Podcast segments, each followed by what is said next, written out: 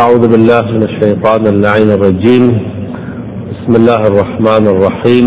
وأفضل الصلاة وأتم السلام على أشرف الأنبياء وسيد المرسلين محمد المصطفى وآله الطيبين الطاهرين.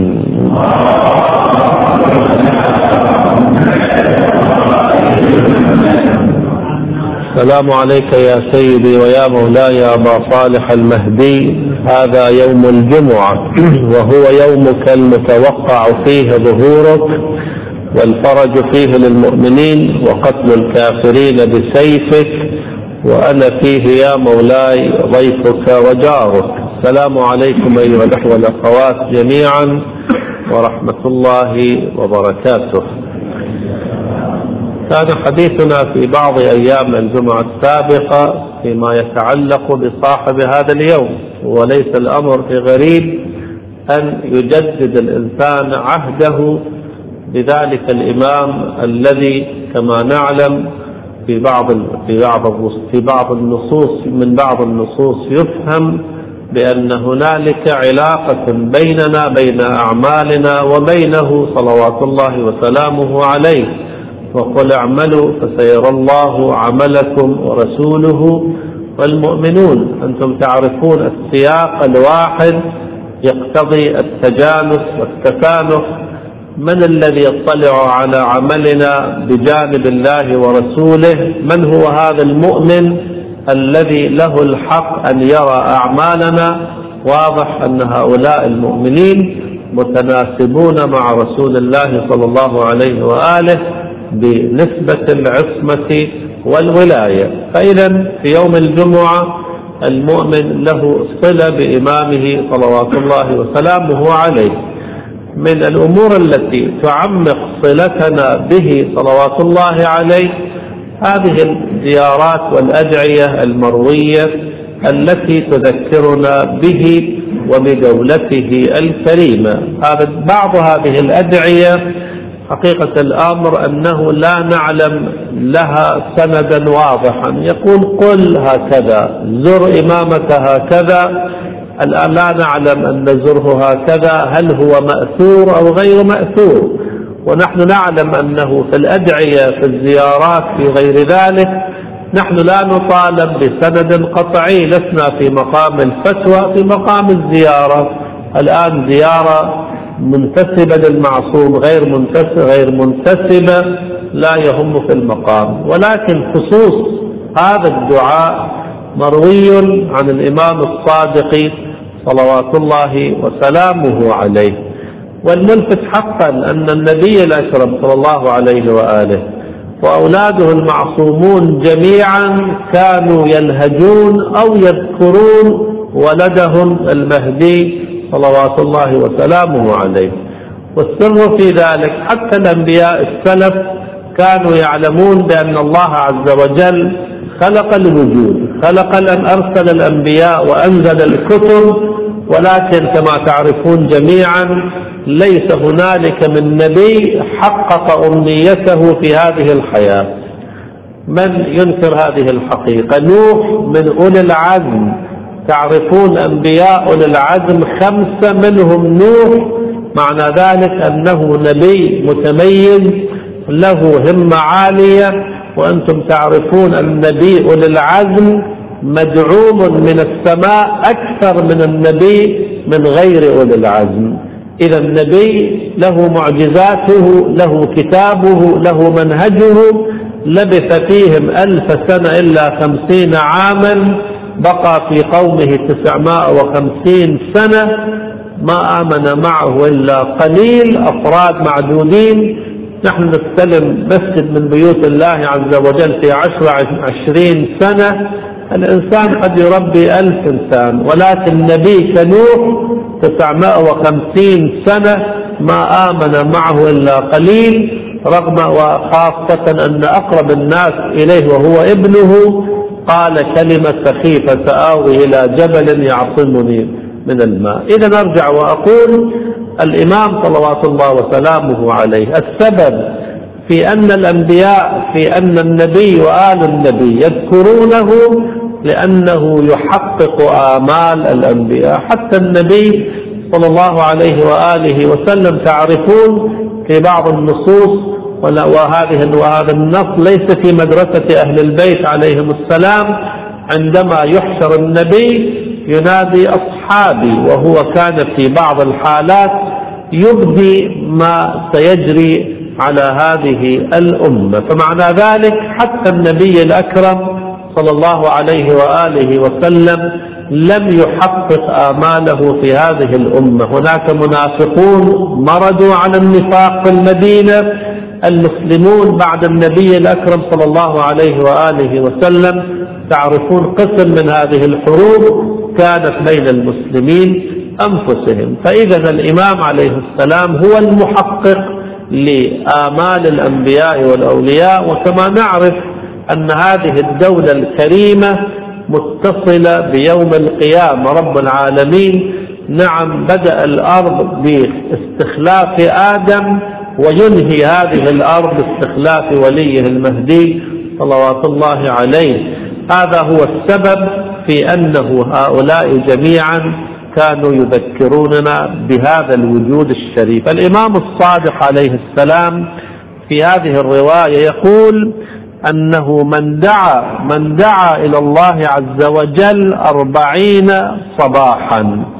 بهذا العهد لاحظوا الكلام في كلمات أهل البيت عليهم السلام كل كلمة لها معنى. لماذا ما قال دعا الله عز وجل؟ قال دعا إلى الله عز وجل. قد يفهم من هذه العبارة حالة التلهف وحالة الالتجاء إلى الله عز وجل. مر إنسان يدعو دعاء عابرا وتارة يدعو دعاء غريق المختار الملهوف. وأنا قلت لإخواني في أكثر من مناسبة الذي يريد أن يعلم صلته بإمام زمانه فلينظر إلى قلبه في مواطن الاستجابة. بعد عمر طويل توفق أن يكون تحت الحائر الحسيني في يوم الأربعين مثلا لينظر إلى قلبه. عندما تجري دمعته ما هو دعوته. عندما وصل للحطيم بعد اللثية والتي للحجر الأسود مثلا ما هو الدعاء الطبيعي المنقدح بلا تكلف؟ مر هنالك إنسان بجواره يقول له يا فلان قدم حوائج إمامك على حوائجك أو قرأ كتابا قبل قليل ولكن مرة هو من تلقاء نفسه يستحي حقيقة أن يقدم حوائجه على حوائج إمامه. ما هي حوائجنا؟ حوائجنا الشخصية لو فرضناها في مجاميع لا تعدو شفاء مريض أداء ديون رفع هم وغم حل مشكلة اجتماعية مع نفسه أو مع الناس أو مع زوجته. هذه حوائجنا خمس أنواع من الحوائج لا أكثر. ولكن ما هي الفائدة من تقريب فرج ذلك الوجود الشريف؟ العدالة المطبقة. عدالة المطبقة في كل الأرض أنتم تعرفون الإمام ليست مهمته محصورة في الشرق الأوسط ولا في الحرمين الشريفين وإنما يملأ الأرض قسطا وعدلا. الأرض يعني من القطب الشمالي إلى القطب الجنوبي كل هذه الأرض نعم تعمها العدالة. حتى الإنسان يريد أن, أن يدفع زكاة ماله فلا يجد مستحقا على وجه الأرض. فإذا الدعاء له بتلهف وغني عن القول أنا أعتقد أنه تراكم أدعية المؤمنين طوال التاريخ من موجبات تعجيل الفرج ولو يوما واحدا. قرأنا في بعض النصوص في الأسابيع الماضية أن الله عز وجل عجل رفع البلاء عن آل فرعون ببركة أدعيتهم. كان البلاء ممتدا ولكن عندما دعوا بتلهف رب العالمين عجل لهم النجاة والفوز على فرعون. أرجع وأقول بالنسبة إلى دعاء العهد. كلمة العهد هنالك مبايعة هنالك التزام. أنتم تعرفون في عالم الفقه الإنسان عندما يعاهد عهدا ينذر نذرا يقسم قسما هذا في الواقع له تبعات. قرأتم باب الكفارات. الكفارات مترتبة على القسم والنذر والعهد. لأنك التزمت بشيء فإن خالفت ما عاهدته الأمر يختلف عن الوعد.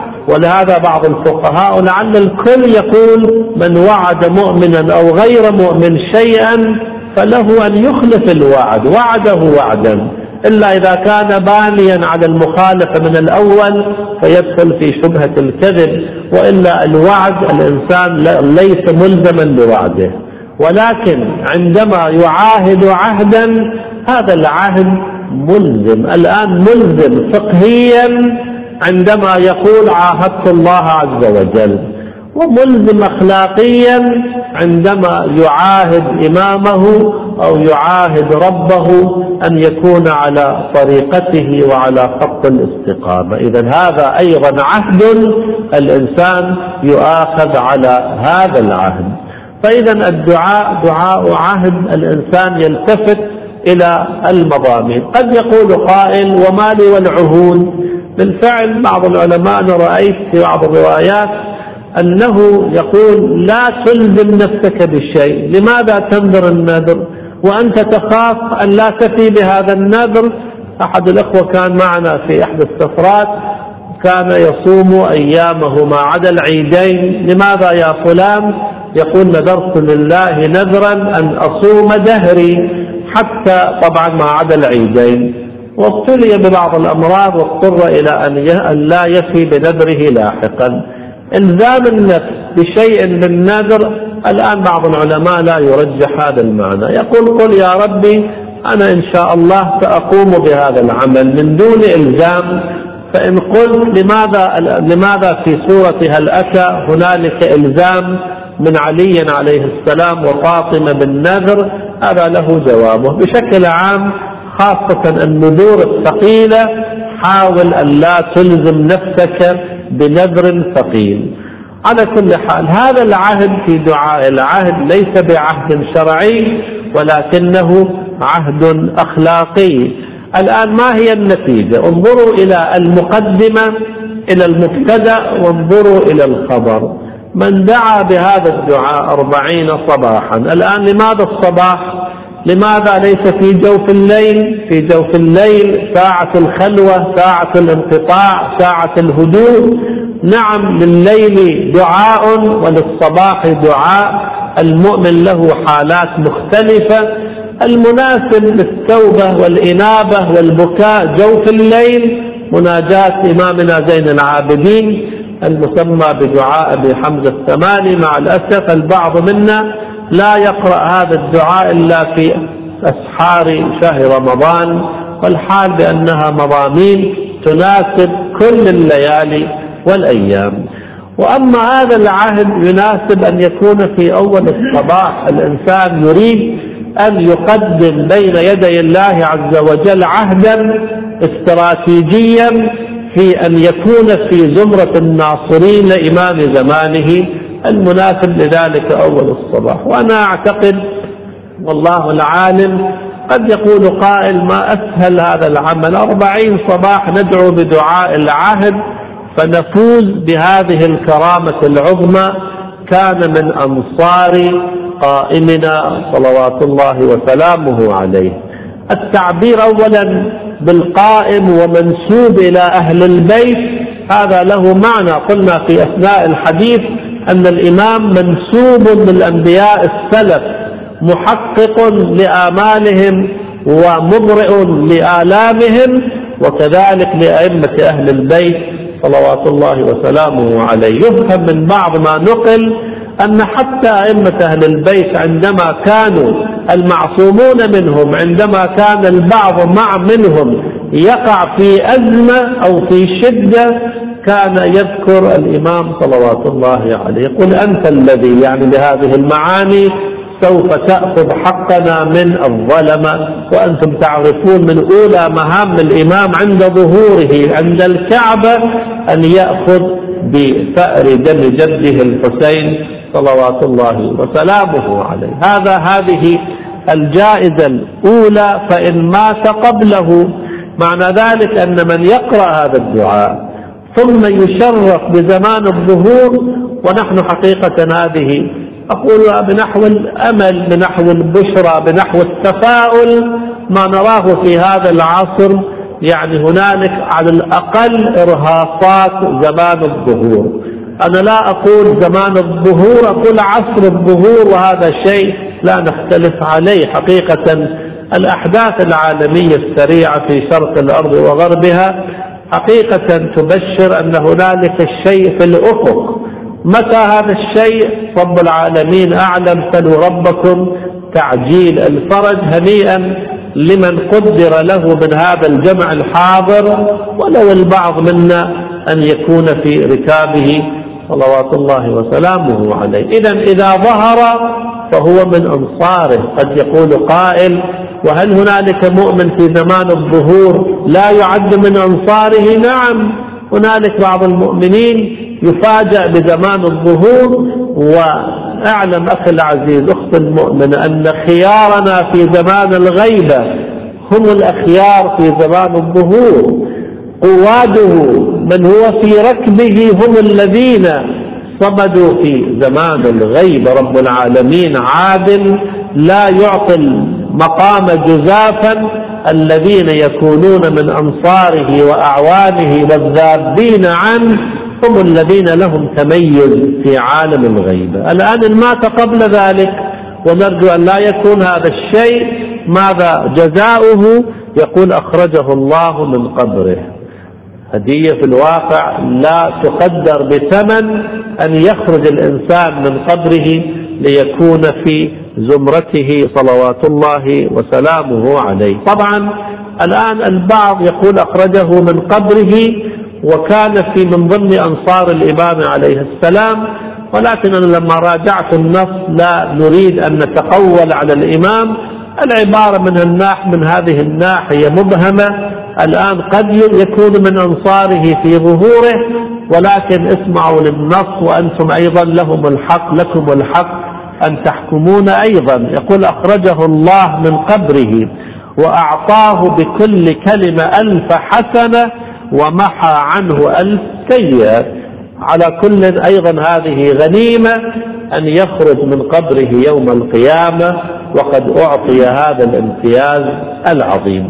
إذا القدر المتيقن من دعا بهذا الدعاء. وصادف أيام الظهور كان من أنصاره. ومن دعا بهذا الدعاء ومات قبل الظهور أخرجه الله من قبره وأعطي هذه المزية الآن أرجع وأقول في ختام الحديث أو ما قبل الختام أنه هذه الجوائز العظيمة ولأن البحث بحث مهم أختم به الحديث حتى آه، نعطيه شيئا من الحق. البعض يقول بأنه هذا الأجر العظيم أن يكون الإنسان من أنصاره يحتاج إلى دورة تدريبية إلى سنوات من المجاهدة والتربية. أربعون صباحا يقرأ دعاء العهد يعطى هذه المزية. إن مات بعد ذلك يخرج من قبره بهذه الهدايا القيمة. كيف نوفق بين عظمة الجائزة وبين سهولة العمل؟ أولا هذا له نظير في حياة في القرآن الكريم. إذا تشك في أي ثواب لا تشك في هذا الثواب. كل ما في كتب الدعاء اجعله في جانب. ماذا تعمل بسورة القدر؟ ليلة القدر خير من ألف شهر. هل تغير الزمان في ليلة القدر؟ هل أنت تغيرت في ليلة القدر؟ ليلة القدر خير من ألف شهر. ألف شهر حوالي أكثر من ثمانين سنة تعطى هدية مجانية في مقابل طبعا مو مجانية بكل معنى الكلمة ولكن أين إحياء ليلة وبين أن تعطى ثواب إحياء ثمانين سنة بلياليها وأيامها. وثمانين سنة عبادة مقبولة مو عبادة مشكوكة القبول. إذا له نظير في القرآن الكريم. هذا أولا ورب العالمين كأنه يريد بذلك أن يدخل الناس الجنة بأدنى مبرر بأدنى مبرر. بعض الأوقات الإنسان له بضاعة كاسدة قبل أيام قبل فترة على باب هذا المسجد رأيت بنفسي قطع من قطع الكمبيوتر مكتوب من أراد فليأخذ ذلك لأنه قطع لا يريدها زائد عن حاجته كمية جعلها سبيل على باب المسجد. رب العالمين له عطايا وله جوائز يريد أن يعطيها بأدنى مبرر. قل لا إله إلا الله وخذ هذه الجائزة. فإذا الرب كريم ونحن قوم تكلموا عن نفسي نحن قوم كسالى. في حياتنا لا نقوم بما يسد هذه الثغرات.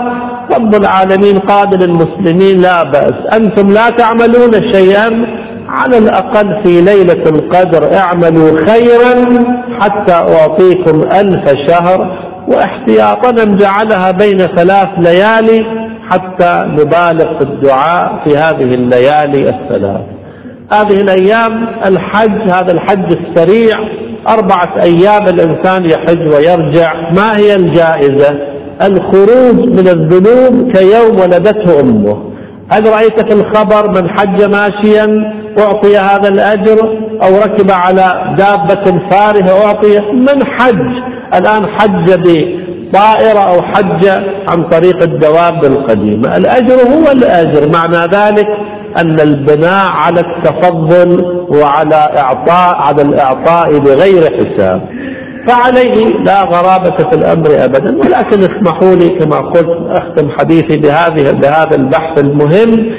من الممكن أن يقال أنه هناك قيود مخفية وبتعبير النحويين يقولون أن هنالك ضمير مستتر. من قرأ هذا الدعاء أعطي هذا الآجر هنالك الشيء مقدر. ولم يكن هنالك مانع. أنت عندما تقول أحضر لي نارا واطبخ الطعام.